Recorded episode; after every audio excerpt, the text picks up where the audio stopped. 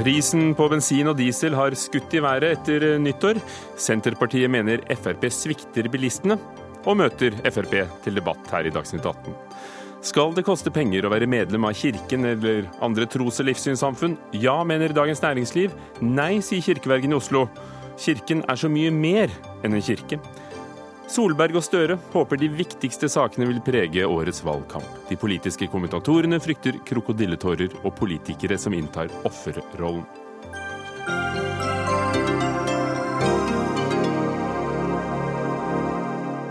Velkommen til Dagsnytt 18. Vi starter året med det rekordhøye nivået på bensin- og dieselprisene i Norge. Den mye omtalte bilpakken innebærer at staten har økt avgiftene, og fra og med i dag er veiledende pumpepris på godt over 16 kroner literen for bensin og over 15 kroner for diesel.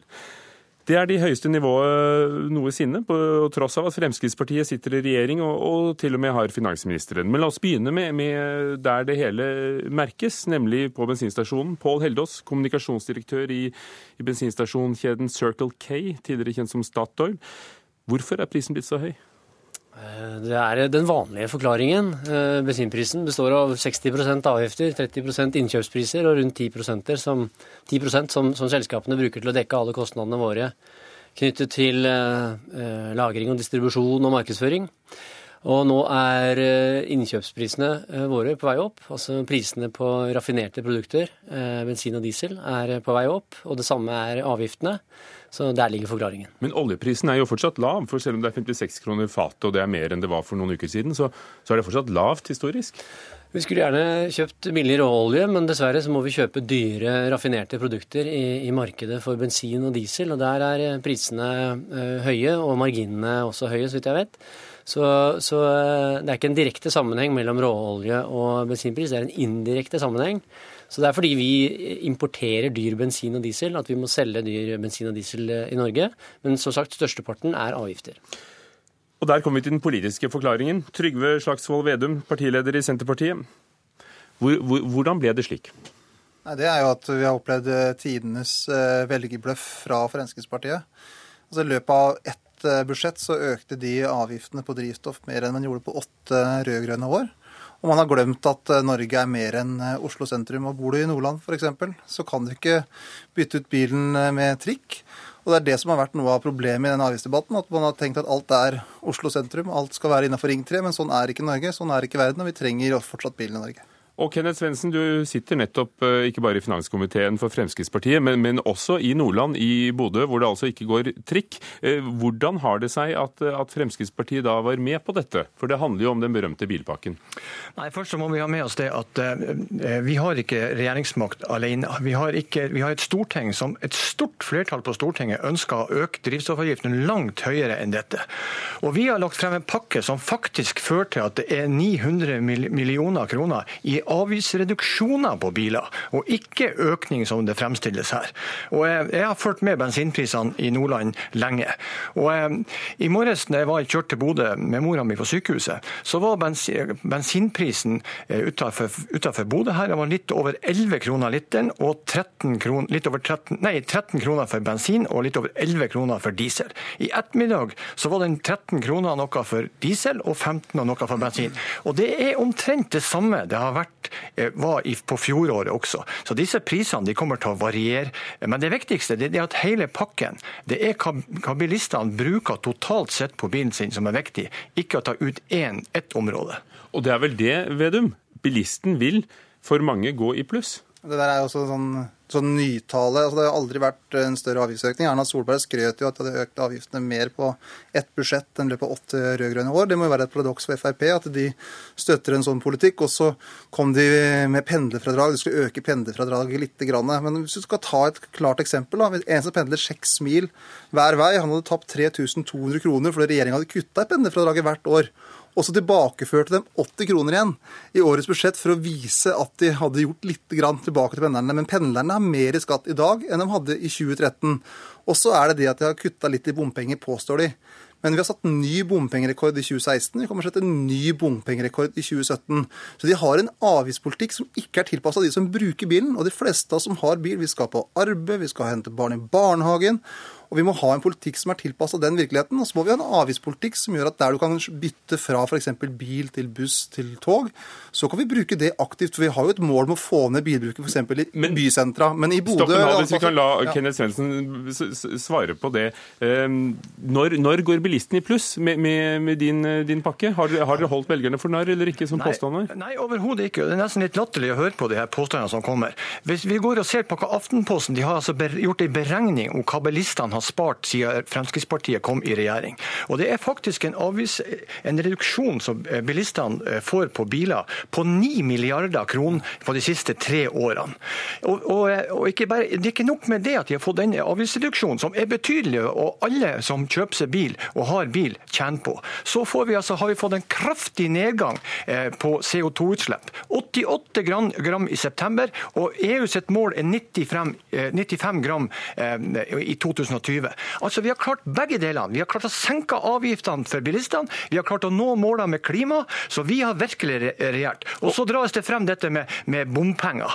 Altså, i De rød-grønne, når de styrte de årene der, så brukte de altså ca. 40% av de investeringene eh, de gjorde på veinettet, det kom fra bompenger. Nå, vi, nå er vi under 30% resten går over statsbudsjettet. Så det viser det er mindre bom, eh, det er lavere avgifter, og vi leverer så det står etter. Og Vedum, ut fra, ut fra miljøperspektivet så, så, betyr det at det da er billigere å, å ha bilen, og så blir det litt dyrere når du bruker den. Ja, og Det er det som er så forunderlig. Det er bare Høyre-folk og noen i Frp som har råd til å ha mange biler og ikke bruke dem. Altså, fordi at De fleste av oss som har en bil, vi har nettopp for å bruke den, så årsavgiften har gått litt ned. Men de fleste skal bruke bilen, og det som er Frp sin prioritering, er at de 50 rikeste i Norge de har fått 1 milliard kroner i skattekutt. Mens Men nå, landets nå bilister vi om bilistene, og dem er det langt flere av. Bilistene har fått 1,2 milliarder nå i avgiftsøkninger. og Det er regjeringas prioritering og FrPs prioritering. Det er ikke et parti for folk flest, det er et parti for rikfolk flest, som har glemt at Norge er mye mer enn Oslo sentrum. og at De fleste av oss har ikke bil fordi vi syns det er så Dere gøy, men fordi vi må ha det. Skal komme, men er det moralsk bedre å kjøre bil hvis du skal på arbeid, enn hvis du bare syns det er gøy? Altså, altså, Du bør jo bruke huet litt, selvfølgelig. og Det er om å gjøre å ha minst mulig utslipp. men at Folk kjører litt på gøy, sikkert er det noen som gjør det.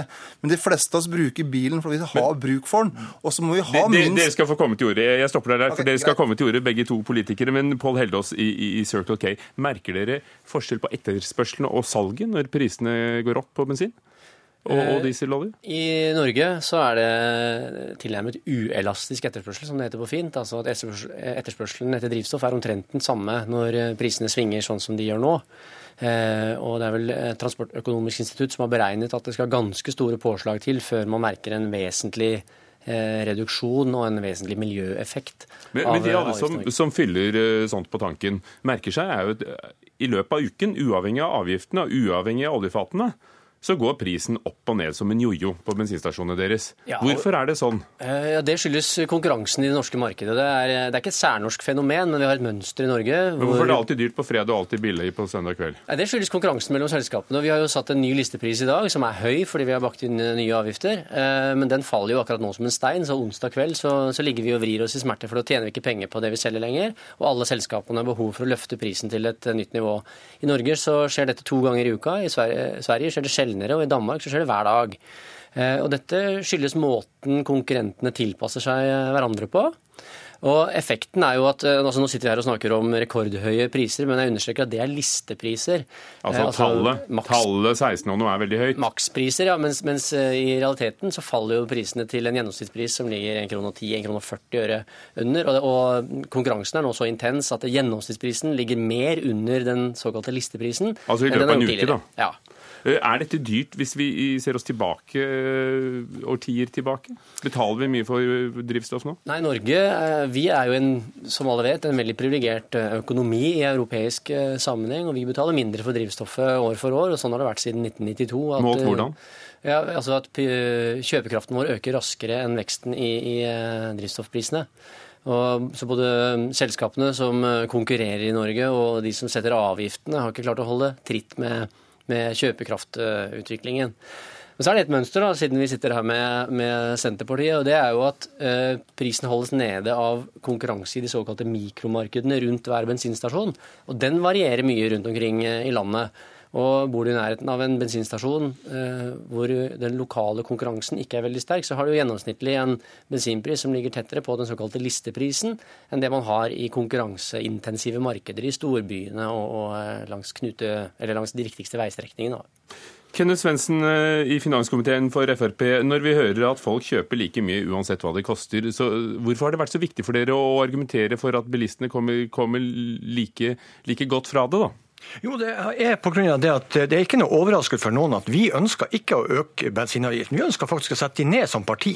Men så er det sånn at det er et flertall på Stortinget som ønsker noe annet. Faktisk å øke bensinprisen opp med en krone eh, per liter. Og da har vi sett på eh, hva er mulig å få gjennom på Stortinget. Og så har vi laga en pakke som sørger for at bilistene totalt sett kommer bedre ut enn, eh, enn hvis man ikke har gjort det. Og Det betyr at de har fått 900 millioner kroner i avgiftsleste til bilistene, og det må være verdt å ta med seg.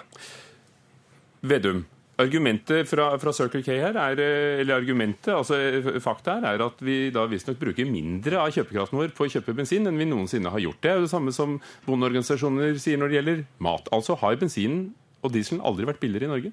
Altså, vi har jo hatt eh, velstandsutvikling i Norge, så det er jo en positiv ting. Men så handler politikk eh, til sjuende og sist om å prioritere. Vi, ønsker, vi har som mål at vi skal ha en selvfølgelig ha en bilpark uten forurensning. Og ønsker å gjøre tiltak der vi vrir bilpakken. Vi ønsker å få ned klimagassutslipp, ikke minst fra tungtrafikken.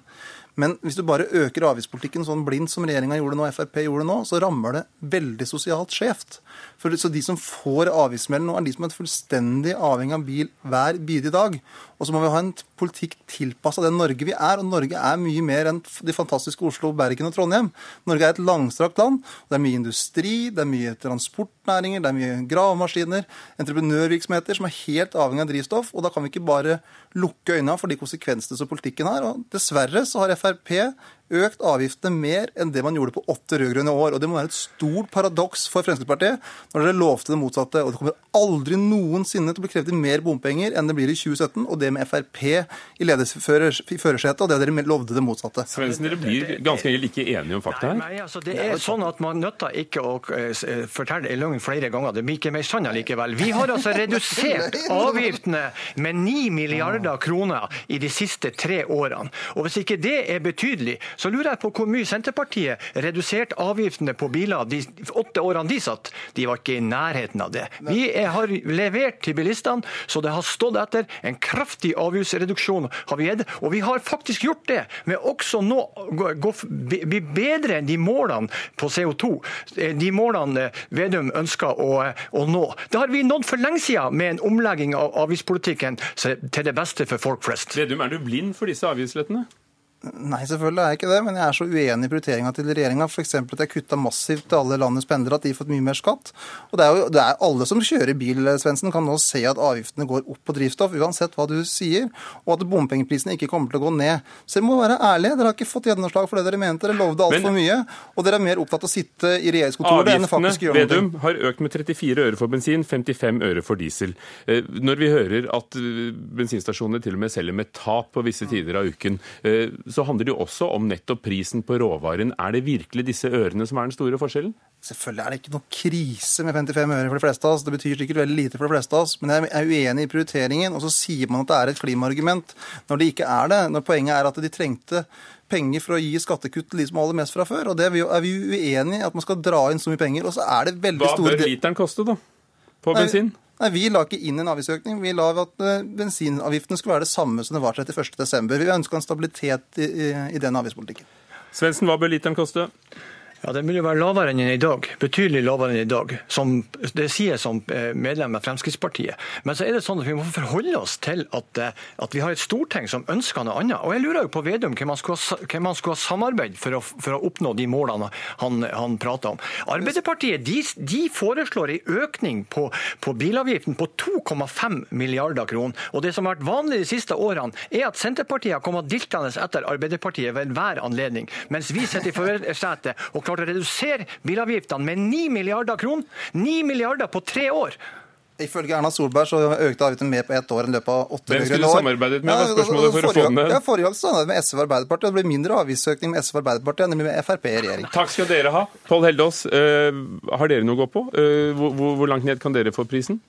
Eh, vi svarer jo bare for disse 10 prosentene som jeg nevnte innledningsvis. Eh, men eh, nå viser de siste tallene jeg har sett, at vi tar stadig mindre av kaka. Vi har fallende marginer i, fjor, så nå kan Konkurransetilsynet komme og titte oss i kortene, og så skal vi trøste alle med de tallene som da blir offentlige. Vi får ta med raffineriene her neste gang. Takk skal dere ha. Kenneth Svendsen fra finanskomiteen Frp, Trygve Slagsvold Vedum, leder i Senterpartiet, og Pål Heldås, kommunikasjonsdirektør i Circle K. Dagsnytt 18 alle hverdager kl 18.00 på NRK P2 og NRK2.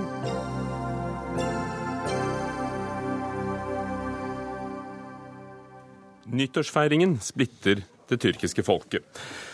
Tradisjonalister hevder at ekte tyrkere ikke feirer jul og nyttår, og mener at det er en uislamsk tradisjon. Og som et tradisjonelt muslimsk land så har man ikke uten videre kunnet feire kristne høytider. Men ettersom landet under Atatürks styre forsøkte å importere vestlige juletradisjoner, ble det en slags mellomting.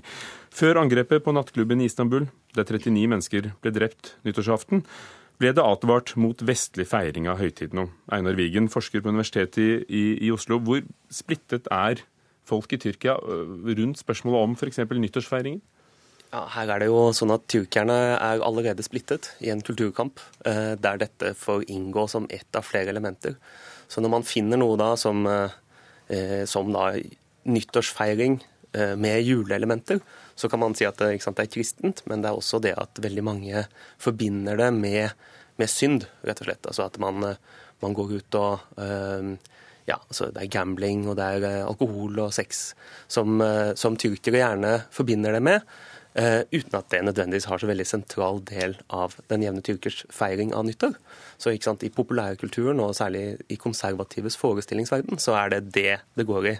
Og jeg tror også det er det de har spilt på når de sier at det er uislamsk å gjøre dette. her. De bruker jo da, eh, særlig handelsstanden, bruker jo sant, eh, gaver og julenisser og juletrær og alt dette for det det er verdt for å skape en sånn eh, handelsstandshøytid som Som her, altså? Som her.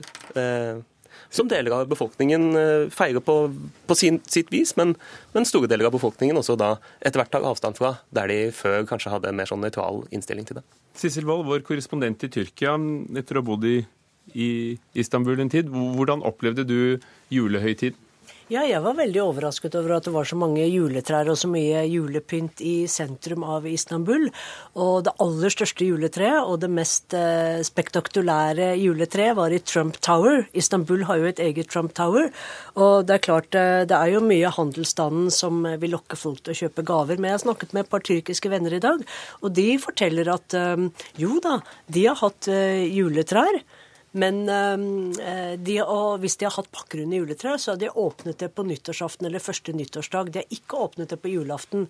Fordi at de har jo den samme kalenderen som oss, så de markerer jo når det er slutt på ett år og begynnelsen på et annet. Men i tillegg så har jo Istanbul vært en eh, kristen by i tusen år. Det var jo Bysants, så det er klart at de har hatt en stor, stor kristen Eh, befolkning i mange år. Eh, grekerne ble jo mer eller mindre kastet ut på 1950-tallet. Sånn at mye av de tradisjonene henger jo igjen. Det er jo mange kirker i Istanbul som har julemesser, og det bor jo fremdeles kristne i Istanbul. Og så er det jo noen utlendinger som feirer jul der. Einar Wigen, er det like mye en politisk kamp som en verdikamp? Ja, det er jo en politisk kamp der på en måte regjeringen forsøker å, å styre det aller meste innpå for meg, mot meg. Eh, og da inngår dette som av den, et av symbolene i denne politiske kampen.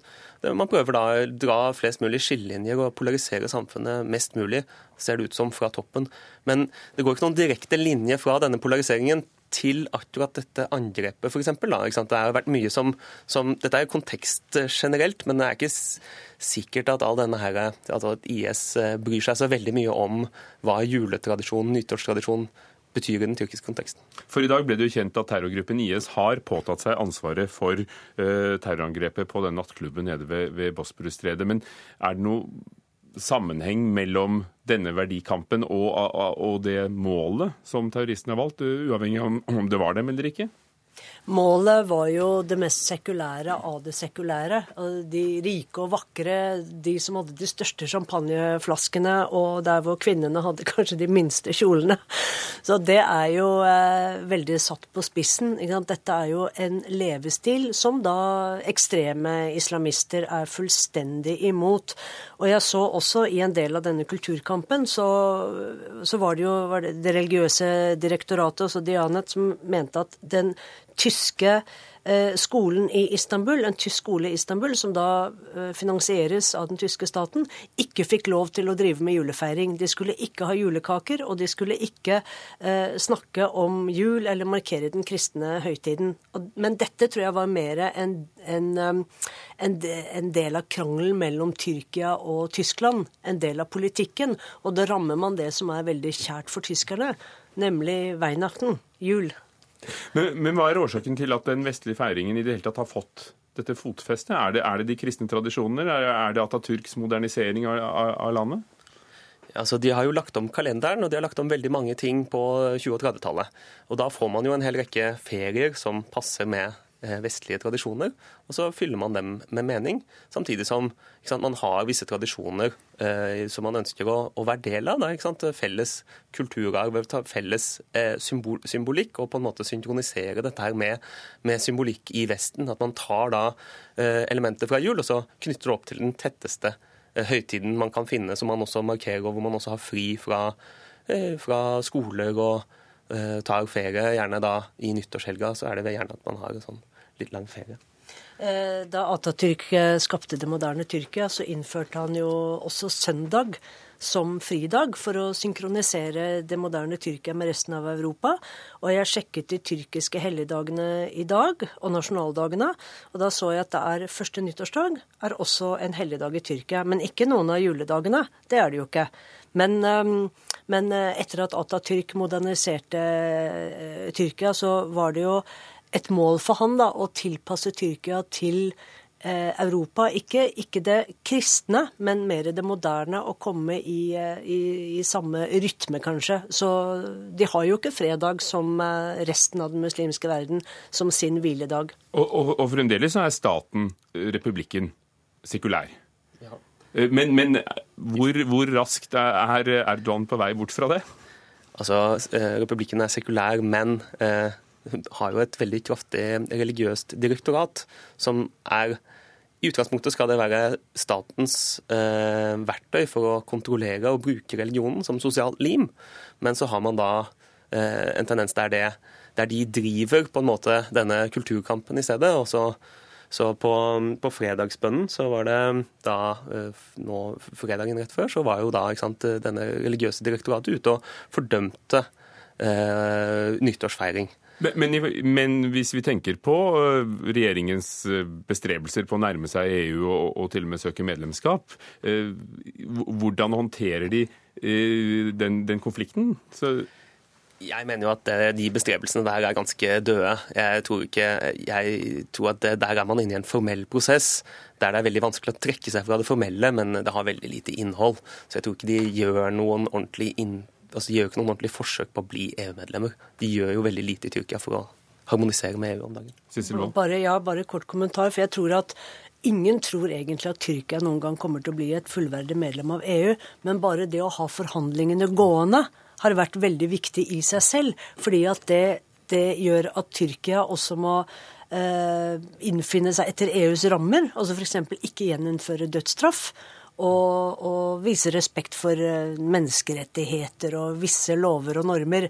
Så de tyrkerne som er veldig opptatt av å være en del av Europa, de er ikke først og fremst opptatt av å feire jul eller ha juletre, tror jeg, men det er det å tilhøre den liksom, kulturelle sfæren og, å ha et, et, hjemsted i Europa i vest, snarere enn å søke seg nærmere Putins Russland og det arabiske Midtøsten. Men angrepet nyttårsaften, har myndighetene prøvd å, å koble det til formaningen om ikke feire nyttårsaften, eller har de ikke det er veldig interessant, fordi eh, Mehmet Gømes, han som er sjefen for Dianet, dette direktoratet for religion, religionsdirektoratet, han sa etter eh, angrepet at terror er terror, enten det er et angrep mot et gudshus eller et uh, fornøyelsessted, som han sa. Han brukte ikke ordet nattklubb, men sa altså fornøyelsessted.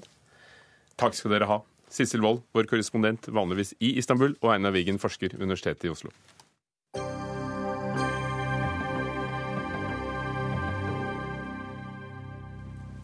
True crime, sjangeren der journalister går i dybden på helt virkelige kriminalsaker. Er det samfunnsnyttig, eller er det underholdning forkledd som journalistikk? Den debatten tar vi senere, for den som følger med videre her i Dagsnytt 18 i NRK P2 og NRK2. Men vi skal også snakke om kirke og stat eh, nå, ikke lenger i Tyrkia, men i Norge. For så har det skjedd. Den norske kirke er skilt fra staten fra 1.1, men det er ennå usikkert hvordan Kirken og andre tros- og livssynssamfunn skal få pengene sine i fremtiden. I år skal eh, et forslag til nye finansieringsmåter sendes ut på høring. Skal vi beholde dagens ordning, eller få en egen livssynsavgift over skatteseddelen? Og Kjetil eh, Widsvang, kommentator i Dagens Næringsliv, på lederplass i dag, så, så tar du til, eh, og avisen din til orde for at staten bør innføre en livssynsavgift. Hvorfor, og, og hvordan i all verden skal det fungere? Skal fungere sånn som det gjør i Sverige og Danmark, at man har en egen skatt. Danmark er den vel på rundt 8 promille eller noe sånt nå, i Sverige på rundt 1% som de som er medlem av eh, kirken. Danmark er det statskirke, Sverige er det en uavhengig kirke. Betaler for det. Sånn også i Norge. Og, og, hvorfor skulle det være bedre enn dagens løsning? Blant annet fordi at hvorfor skal da de 15% som ikke står tilsluttet noe trossamfunn, betale for det? Dessuten er den ordningen vi har i dag ikke bærekraftig av en annen grunn. Det kommer av at de som ikke er medlem av statskirken, men i andre tros- og livssynssamfunn, de får tilsvarende beløp fordelt på medlemmer som da, de er i kirken. Altså du tar kirke, hele budsjettet til kirken, deler det på hvert enkelt medlem, og så gir omtrent tilsvarende er fordelt på stat og kommune, til hvert av disse. Når antallet medlemmer i statskirken synker, og øh, mens utgiftene er de samme, så blir dette dyrere og dyrere. Det blir dyrere for staten, og det blir spesielt dyrt for kommunene, som får en stor ekstrautgift. Mm. Så det er ikke bærekraftig systemet. Robert øh, Wright, kirkeverget i Oslo. Du ønsker å bevare dagens ordning? Ja, jeg ser Hvorfor? At... Ville det ikke vært veldig rimelig og, og og rettferdig måte og ta, simpelthen melde seg inn? Jeg tror jo at man må se på hvordan dette fungerer i praksis. Eh, fordi Når du snakker om bærekraftig, så skjønner jeg egentlig ikke det. Fordi ordningen i dag fungerer ganske godt. Og den er rettferdig også for de andre trossamfunnene. Og Hvis vi bare skulle ta det som vi selv bruker noe av, så er det jo et spørsmål om hva med alle de idrettsarrangementer og ting og tang som vi ikke er på, eh, både den ene eller andre, eh, kulturtilbud ellers. slik at eh, Det er jo også noe hva dette utfører for samfunnet vårt. Og Det må vi tror jeg også se på. for det ser, ser, liksom, ser ja, Hva er det? Ja, Det er jo langt mer enn bare å tro. Det er langt mer enn søndag klokka 11. Det er jo hele uka stor aktivitet i forhold til på kultursektoren, på forhold til barn og unge. For ikke å snakke om hva utløser dette av frivillig innsats, innsamlede midler.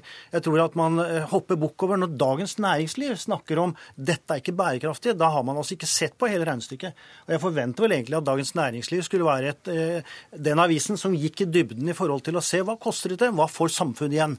Og det samfunnet får igjen, er formidabelt. Eh, hvem andre er det som eh, jobber i forhold til diakoni, i forhold til F.eks. i Oslo. Hver søndag så er det ca. 50 kirkekaffer. De koster samfunnet ingenting. Det er dugnadsbasert. Det er tiltak i forhold til eh, de som er alene og enslige. Selvfølgelig også for reddende og for alle. Det er ingen som står ved døren og sier at har du medlemskortet ditt i orden? Dette er en kirke. Dette er en folkekirke. Og det er jo det vi er fra i dag. Er det veldig mye dårligere i Sverige og Danmark? Det er mange måter å gjøre dette på. Det vi vet i Norge, er, jo, det er at dette fungerer. Det fungerer godt. I Sverige og Danmark så har du da, eller i Danmark så har du en frivillig kirkeskatt, og du har høyere del av befolkningen som er medlem av den danske statskirken enn du har, ja, har i Norge. Det er vel 77 mot en 3-74 i Norge. Fungerer aldeles utmerket. Det er rimelig i forhold til de som, er, de som, er medlem av det. Når det gjelder bærekraften, så er det jo kommunene som, som protesterer. fordi at altså, dette fordeles på en del av denne avgiften som går til de andre trossamfunnene, som kommer fra staten, og en del som kommer, som kommer fra kommunen. Og for, det, for kommunene så er dette en eksploderende utgift. Jeg forstår jo godt at dere syns det er aldeles utmerket, så lenge dere har, Kirken har fått selvstyre, for å gjøre hva den vil. Men alle skal betale, inklusive de som ikke, ikke er den, som ikke bruker, bruker tjenestene. Ja, altså, Ja, handler det om tradisjonen fordi vi har hatt en statskirke her i hundrevis av år, eller handler det om, om den merverdien du, du sier dere skaper? Det er klart den merverdien. eh, Og det er også en del, dette er en del av det norske samfunnet. Men er du, tror- redd, er du engstelig for at dere vil miste medlemmer? Fordi det viste seg ifølge Vårt Land eh, etter at eh, Danmark og Sverige la om til en sånn ordning, at, at de mistet medlemmer. Er det det du frykter? For ellers så vil du jo ha de samme inntektene som i dag. Jeg er ikke så redd for at vi mister medlemmer. Jeg Men da vil også du vel vi- ha de samme inntektene jo, som i dag? men det, det tror jeg ikke er poenget. Det viktige er egentlig at vi har et struktur og en rettferdig fordeling. Og det, vi har i dag en struktur som helt opplagt man må skule også til. For det, jeg mener at medlemstallet må også telle. Det gjør det i man- dag. Når man, når man ser internasjonalt på dette, her, så er det mye større engasjement, mye mer kirkegang, mye mer aktivitet i land hvor de finansierer seg selv. Amerikanere og polakker går mye oftere til kirke enn nordmenn. Det virker omvendt proporsjonalt. Jo mer penger du får fra staten, jo mer synker det. Jo, men Når det, når det gjelder, når det, Men, men, men er ditt anliggende først og fremst finansiering av Den norske kirke, eller disse 622 000 medlemmene av andre livssyn og trossamfunn, som det er ganske mange av? Eh, Jeg har, jeg har valgt ut et lite knippe her. Eh, Husmenighetene Farshuset, pinsemenigheter over hele landet, Islamsk kulturforening, Kvekerne, Kosmologisk livstru, Åsatrufellesskapet og Human-Etisk Forbund. Er det alle disse du, du vil gjøre noe med? Eh, eh, Det er jo en del av det. Du har verdens mest sjenerøse ordning for den typen, eh, typen trossamfunn eller livssynssamfunn utenfor kirken, som da har gitt seg automatisk gjennom dette her. Men igjen, altså aktiviteten er mye mye større den religiøse aktiviteten i i systemet hvor det ikke blir betalt på den måten. Og det er klart, altså det er flere mennesker på, kirke, eller på konserter eh, av eh, eh, før jul enn det er folk i kirken på julaften. Det synker jevnt og trutt. Dette er jo feil direkte. Altså når vi Nei, ser er på, da må vi se på kulturtilbudene. Sammenligne dette. Altså La oss ta da det nye Munch-museet. Der har de en målsetting om at de skal ha 500 000 besøkende hvert år. Det er en meget ambisiøst mål, sier de selv. Det er det vi har i Domkirken. Bare Domkirken i Oslo. Og og da, Robert om- Wright, hvorfor er de da engstelige for at, eh, at inntektene skulle falle? Hvis det til og med eh, er sant som Widsvang sier, at det skaper økt engasjement, Jo, og men- ha et personlig forhold jo, til det du er jo- betaler inn? Dette er jo nettopp i forhold til at Kirken skal få mindre, på en måte, og det er et eget mål i seg selv. Jeg, altså, det, vi har en ordning som fungerer. Ja, jeg, mente du at det gjøre- skulle- Det, det fungerer jo fordi alle, alle vi andre betaler. Det er Ja, klart ja, dere er for det. Det er klart dere er for Da må å, jeg si å, kunne styre, styre, styre dere selv. Med, og la- et øyeblikk, med med, med, med din, et, et med din modell, Widsvang, ville Kirken fått mindre, eller ville den fått den samme som i dag? Du, Det må man, eh, vil jo være en politisk beslutning, men det må jo fordeles på de medlemmene som er der. Så er det selvfølgelig klart at eh, Kirken med disse byggene representerer en kulturarv. Det er, er det 1700 kirker eller noe sånt i landet. det er det kommunen som skulle betale. Skulle de Ja, også slutte eller, å altså, det, det er mulig man, øh, det vil være en felles kulturarv å ta vare på, hvor det trengs et offentlig ansvar der. Hvordan dette skal fordeles teknisk mellom stat og kommune, er jo også noe man uansett må gå gjennom nå. Å bevare systemet slik det er i dag, tror jeg uansett ikke kommer til å skje. Så du, du mener at også kommunene ikke lenger skal ha ansvaret for å Som de forvalter mer eller mindre godt, og tar vare på kirkebyggene. det foreligger fire modeller eller noe sånt noe, som, Men som man er skal utrede positive, nå. fordi Widesvang sier selv i lederen i dag at eh, Kirken eh, bør få hjelp fra staten, eller fra det offentlige, unnskyld, fra kommunene, da, eh, til å vedlikeholde Men kirkebyggene. Robert det Wright, er bra. siden kommunen tar ansvar for kirkehusene, som det er bygningene, Ja. så er det altså presteskapet som betales av, av staten i dag. Hvorfor er du engstelig for at dere skulle fått mindre? eh, Virkeligheten er jo i dag at også kommunene, den enkelte kommune vurderer dette kontinuerlig. og Derfor så er det forskjellig eh, fra kommune til kommune, også som er et poeng i seg selv. Eh, Og ikke, danner ikke noen rettferdighet heller. Et poeng til. Det er jo det at sånn som i Oslo, så er det desperat behov for kirkebygg fra katolske kirken. Der går de i flere bosetninger og står oppe etter veggene. Der tviholder kirken på å beholde det. Nei, nei, nei, klarte- helt feil. de har fått en kirke, vi har en åpen dialog, en åpen dialog om dette, og vi går inn i dette året med en nytenkning i forhold til at vi må bruke de midlene for effektivt. Det betyr sannsynligvis at vi frigjør flere kirker. Kan Og det selge kirker, altså? Ja, eller i hvert fall leie dem ut. Eh, Det, altså det er en lovmessig ting. som- Inntekter, strålende. Børs eller katedral, nei, men altså? kjære, altså dette, jo, men kjære venner, jeg har jobbet mesteparten av livet jeg for næringslivet, og det tror jeg også at eh, en, det en Dagens Næringsliv bør tenke gjennom i forhold til hva er bærekraftig. Dette må de se på, og Kirken gir masse tilbake til samfunnet. Men ville dere ikke fått jeg kommer tilbake til det samme spørsmålet, de samme inntektene selv med en ordning hvor folk selv krysser av at de er medlem av Jo, Den men norske Det kirke? kan det godt være, men det vi har er en prøvet ordning som Hvorfor fungerer godt. hvorfor, kan det, det funker bra i Sverige og Danmark. Hvorfor ikke her? Takk skal dere ha. Med det spørsmålet lar vi det henge i luften. Det kommer altså en høring senere i år. Kjetil Widsvang fra Dagens Næringsliv og Robert Wright, Kirkeverget i Oslo.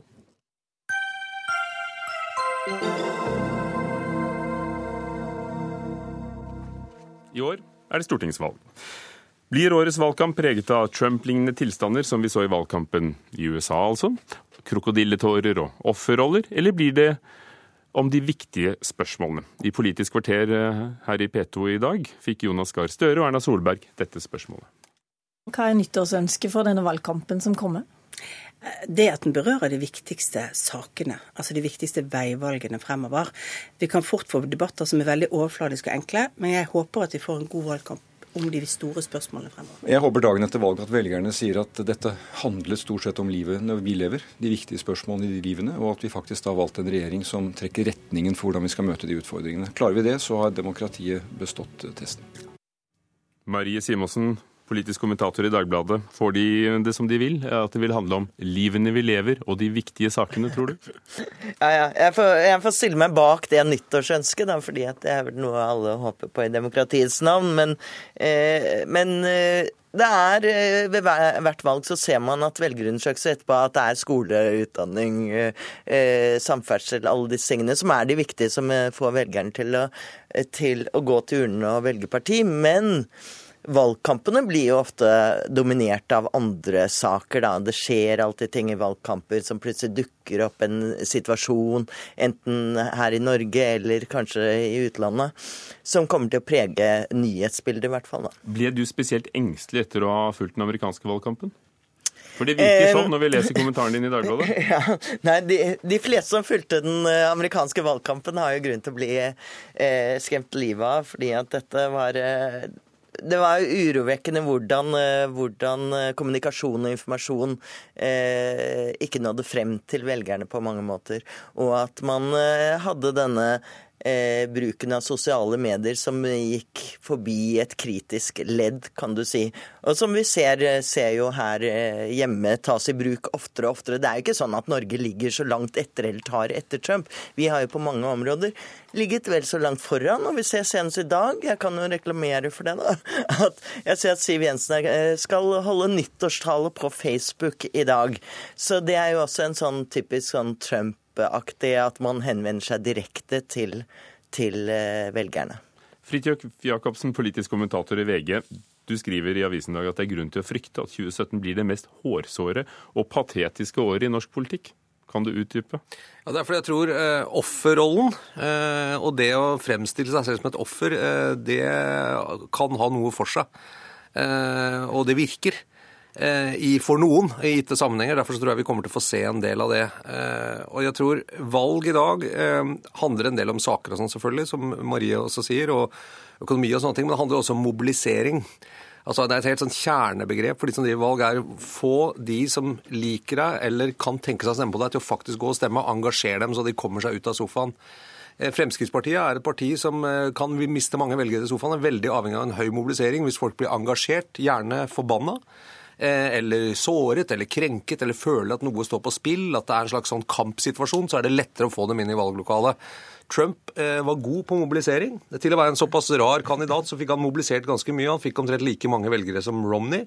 Hillary var veldig dårlig på mobilisering, prøvde en annen type ting. Men, og, og, det tror jeg liksom at dette her med å fremstille seg som et offer, og som et, eh, og som et offer for et eller annet for noen andre som man må opp og kjempe mot, vanlige folk og sånn, Eh, det, det er, eh, kan fungere som taktikk, og i den taktikken så er det å, et, eh, å fremstille seg som et offer ganske effektivt. Og Det tror jeg vi allerede har sett begynnelsen på men, i Norge. Men, men, det begynner å bli mer og mer patetisk. Apropos Trump, så så jeg at hans eh, talsperson i helgen hadde vært ute i eh, amerikanske søndagsprogrammer og, eh, og, sagt at nå måtte folk slutte, og mediene slutte å mobbe Donald Trump.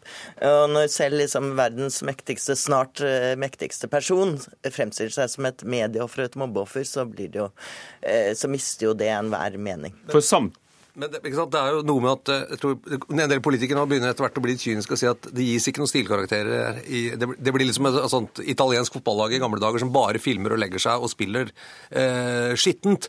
Men de vinner allikevel. og de sier Det handler om å vinne, og det handler om å vinne på de måtene du må gjøre det på. Eh, og stilkarakterer og det å liksom være edel og fornem og, og, og være respektert i Dagsnytt 18 og sånne type ting, det betyr ikke så veldig mye. Det er, eh, det er på en måte stemmetallene jo, og suksessen jo, som betyr noe. Ja, men det betyr litt grann, som jeg skriver om i dag, at, at hvis du skal sitte og, og være i en regjering og lede et land, så er det må du liksom Du kan ikke legge deg ut og skjelle ut halvparten av velgerne, eller vel så det.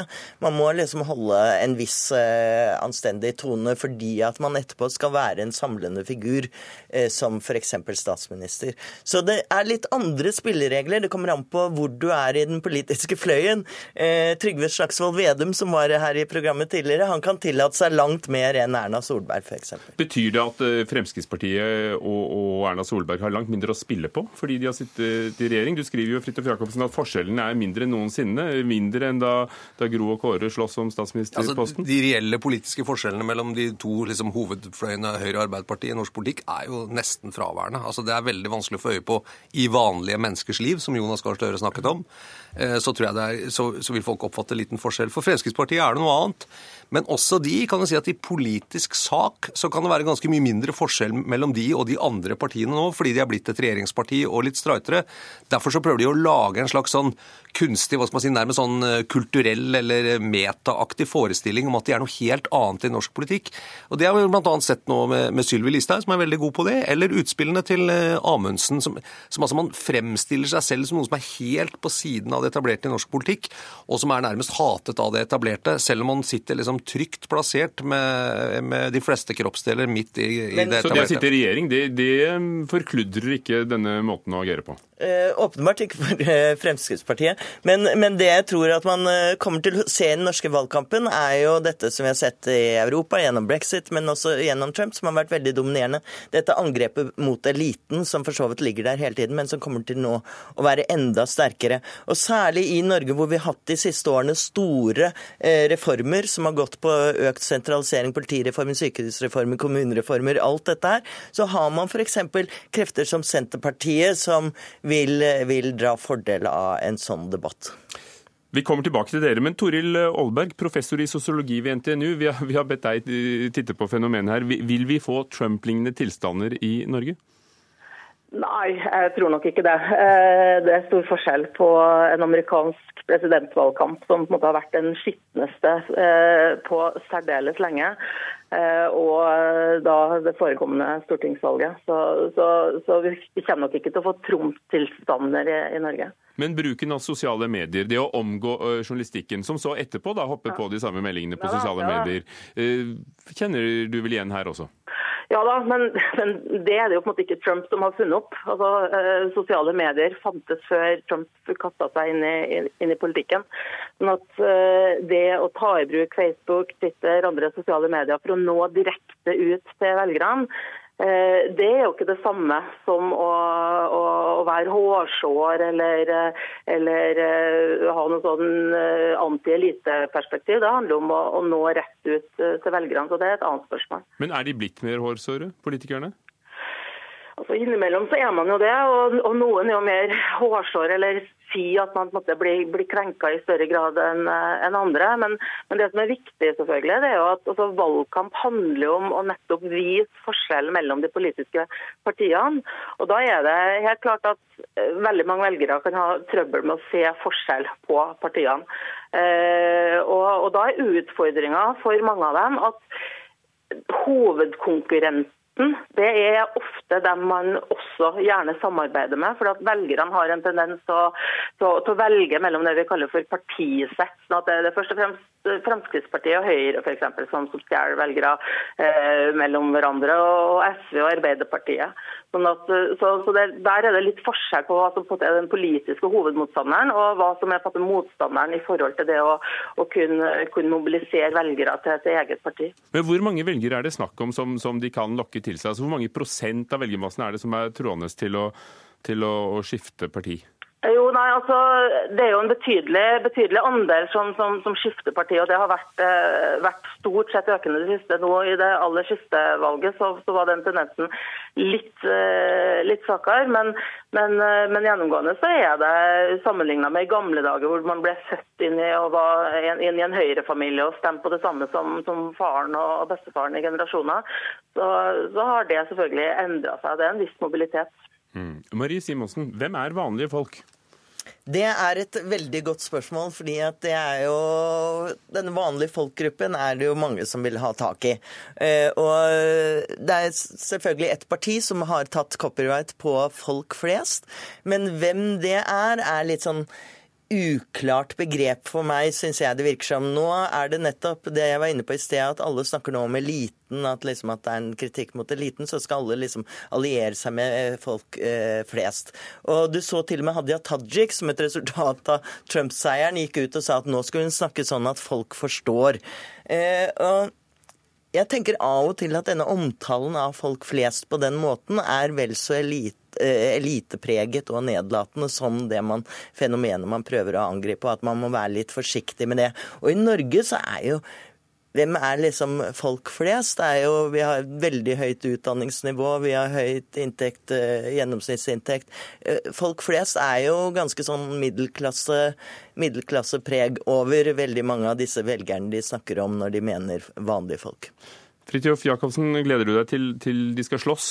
Om å, å kapre vanlige folk? Altså jeg, jeg, tror temperatur eh, og, og, litt sånn fart og fres i debattene, som jeg hørte Slagsvold Vedum også, hvor man går litt på hverandre og, og dyrker frem forskjellen mellom partier istedenfor å sitte og høres ut som man er en slags sånn evig lang freds, politisk fredsmegling, det er bra for å få opp interessen om politikk. Det som jeg eh, er litt bekymra for, er at når noen tar i litt og går ut og kommer med kraftige karakteristikker og møter da motstand eller svar eller polemikk som er liksom på samme engasjementsnivå, så sier man 'å, se, nå ble jeg angrepet, det er synd på meg'. Den, akkurat den der, der den syns jeg er veldig ulekker. Eh, og det er fordi at det er helt fint å kjøre opp konfliktnivået og det polemiske nivået og gå litt eh, i, trynet på hverandre. Det, skal, det hører med i en valgkamp. Men man må ikke begynne etterpå Hvis man møter motstand på å si noe som mange blir provosert av, så kan man ikke etterpå begynne å si at det er synd på meg. Se, jeg er truet, eller se, jeg er et offer. Se, eliten prøver å holde meg nede. Se liksom mainstream media, alle disse tingene her. Da begynner man tror jeg, å lage en sånn forestilling hvor det blir litt mye også dem, og, og begynner å lage skiller som egentlig ikke finnes i i den norske befolkningen, men som kanskje kan se som de finnes på Facebook. Men, men, jeg tenker kanskje at vi i media skriver om dagen at, at, vi må ta litt selvkritikk på at vi lager en slags sånn reaksjonsjournalistikk hele tiden, som dyrker denne formen og krenkelsen og sånn, ved at det kommer først et utspill, og så setter man mikrofonen til en annen og sier hva, syns du det var ille? Og så kommer det, og så er det litt sånn frem og tilbake, og man kommer aldri til bunns om realitetene i utsagnet, og man sjekker ikke ordentlig fakta og sannhetsgalten i hva som kommer. Det blir bare om folk er krenket, folk er sinte, eller hva som skjer. Men siden det er så få forskjeller, er det helt utenkelig i Norge med en storkoalisjon som de har hatt i Tyskland mellom Høyre og Arbeiderpartiet? ja, det er utenkelig. Det hadde vært slutt. Ja, nå, jeg tør ikke å si noen ting lenger, men jeg, jeg blir veldig overrasket hvis det skjer, det skal jeg si. Eh, for det må vel jo ha lært av Trump at vi må være litt forsiktige med prediksjonene. Takk skal dere ha alle sammen. Og så er det altså valg senere i år. Fridtjof Jacobsen fra VG, Marie Simonsen fra Dagbladet og Toril Aalberg, professor ved NTNU. Hør Dagsnytt 18 når du vil. Radio NRK Radio.nrk.no.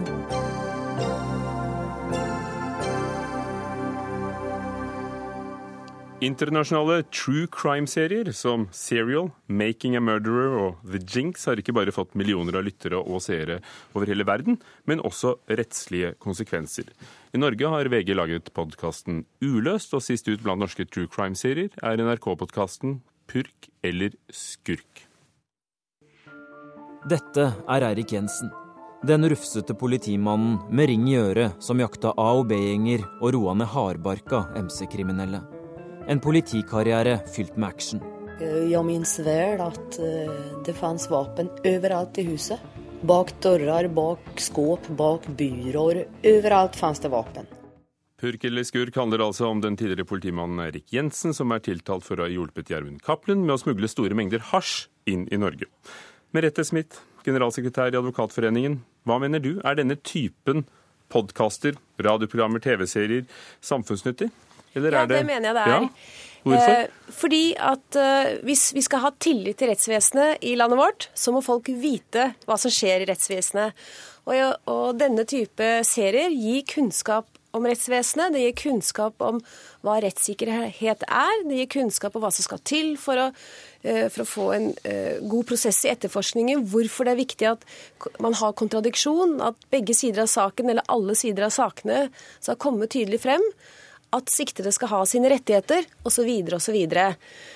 Og jeg tror også at uh, Hemsedal-saken viste at i Norge er det stor interesse for hva som skjer i, rett, i retten, og jeg tror at folk har interesse, og de får lære noe av disse seriene. Derfor er det bra. Benedicte Wibe, forsvarsadvokat for eh, nettopp Gjermund Cappelen. Vi hørte deg i Kulturnytt i, i P2 i dag tidlig. Mer reservert. Hvorfor er det en dårlig idé å gjøre det på denne måten? Eh, hvis man kunne tenke seg en, eh, en podkast som tok opp i seg alle sider ved saken, og nærmest var som en, i en opplæringsøyemed, en, en sak, hva skjer i retten, så hadde jeg vært helt enig. Men disse podkastene lages ikke for at folk skal få en riktig eller mer riktig oppfatning av eh, hva som skjer i våre domstoler. Eh, Pressen viser jo at de er bare interessert i små i små fliker av det som skjer, og det har eh, liten pedagogisk eh, effekt, men derimot stor underholdningsverdi. Anders Børingbo, konstituert reportasjeredaktør i NRK. Jeg hadde tenkt å, jeg hadde tenkt å vente med å bringe deg på bane, men, men er det sånn også at dere er interessert bare i, i små fliker for å lage underholdning? Nei, altså podkasten vår er en videreføring av krimjournalistikken sånn som vi driver den ellers. Så den er lagd med balanse, med tilsvar, og samtidig imøtegåelse på de påstandene som kommer. Så jeg mener at vi lander godt på beina i forhold til å belyse eh, hele saken. Og det er jo da også en halvtime sending dette her, så det gir god mulighet til å skjønne saken eh, i, et mye lengre format enn en, en vanlig nyhetssak her. Men det er da ganske spesielt å, å gjøre en tiltalt i en sak til en, til en helt, eller i hvert fall hovedperson, i en serie eh, programmer, i dette tilfellet podkaster og, og, store nettartikler, med, før rettssaken er i gang. Han er ikke gjort til en helt, og Cappelen Men hovedperson? Er han helt i, i forstand hovedperson? Ja, men altså, det er balanse i det. Cappelen er med også. Uh, det Ibes uh, klient. Og vi har søkt å, få andre stemmer, stemmer inn. Og så er det også viktigere at både Cappelen og Jensen har jo snakket flere ganger hver for seg. Jensen til og med gitt ut en bok, så disse er jo ute med sine versjoner. Og da mener vi dette er forsvarlig å lage. Men Rette Smith, er det, ikke, er, det ikke, er det ikke en tanke at publikum kan begynne å bli forutinntatt, og at det kan gå på, på rettssikkerheten løs? Jo, det er klart det er det. Derfor så stiller dette veldig strenge krav til journalistikken. Og det er veldig lett å tenke seg at hvis man vinkler en side av saken mye mer enn den andre, utelater viktige bevis, så vil man få en slagside. Og det er klart at jeg syns det er enda mer krevende, som er gjort i den nå Purk eller skurk, ved at man har en podkast om en sak som pågår for retten nå. For det er jo helt åpenbart at det er domstolene som feller en dom i straffesaker. Det er det ingen andre som gjør. Og man skal basere seg på de, bevisene som kommer fram i retten. Men i forhold til det Benedicte Wibe sa, så, så mener jeg at de gode podkastene, de, de lærer bort noe om rettssystemet. Og for å nevne ett eksempel. I Uløst, podkasten eh, som VG hadde, så hadde man en hel episode som var viet hvorfor man kan få eh, falske tilståelser, som jo er veldig vanskelig å skjønne, men som er en veldig viktig eh, hva skal jeg si, begrep, eller, eller som, er, eh, som er, er nyttig å lære noe mer om. Og det syns jeg VG-podkasten hadde løst på en god måte. Journalister vil jo alltid gjøre utvalg av, av, av fakta, men så, så lenge bestrebelsen er å gjøre det eh, balansert, kan, kan dette være verre enn en, en lang avisartikkel? Nei, eg- egentlig ikke. Jeg mener ikke det. Men eh, en podkast på en halv time, den er tross alt bare en halv time av en virkelighet som er eh, en virkelighet over 20 år, slik eh, tiltalen lyder på. Og man kan bare få opp i seg fliker av virkeligheten. Men jeg tviler ikke på at NRK har forsøkt å være balansert eh, i, i under lagingen av denne podkasten. Jeg tviler ikke på det. At begge to har sikkert kommet like mye til orde. Men podkasten gir ikke noe fasit på hva som har skjedd. Men det er det vel eh, domstolen som skal gjøre. Og frykter du at de lar seg påvirke eh, av, hva som utgis før? Nei, men hvis det først skal være true crime, så får man følge med i retten, da. Og da får man løsningen på den true crime.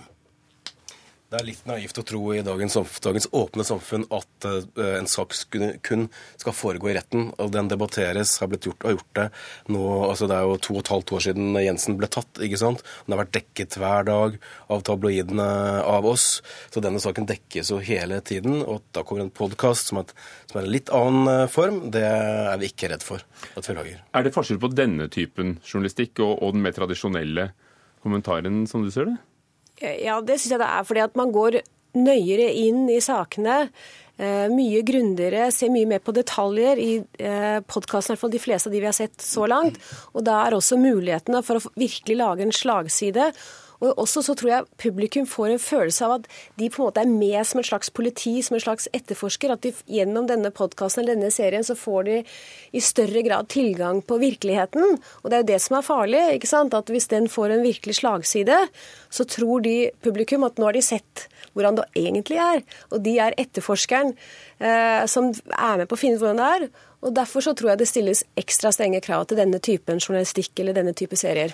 Og I ettermiddag ble det jo klart bare for halvannen time siden at uh, forklaringene både til Erik Jensen og din klient Gjermund Cappelen skal gå for åpne dører.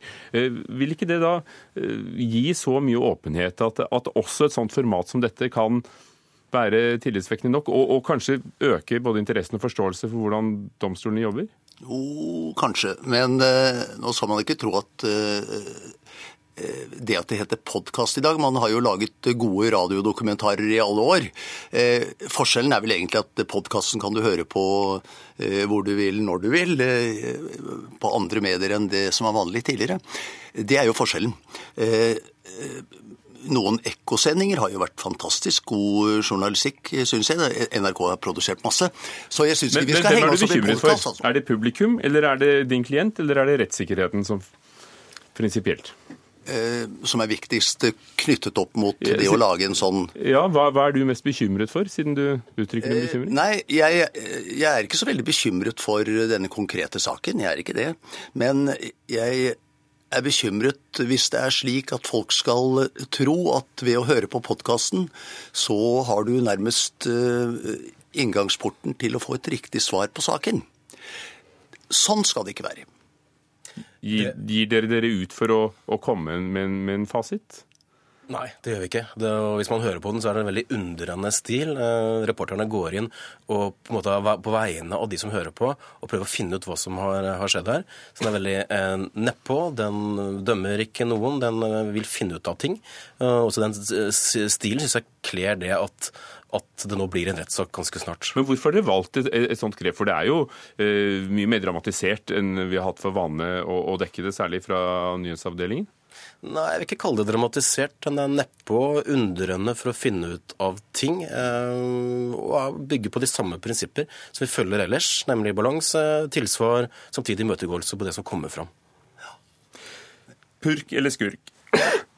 Bare tittelen og musikkbruken.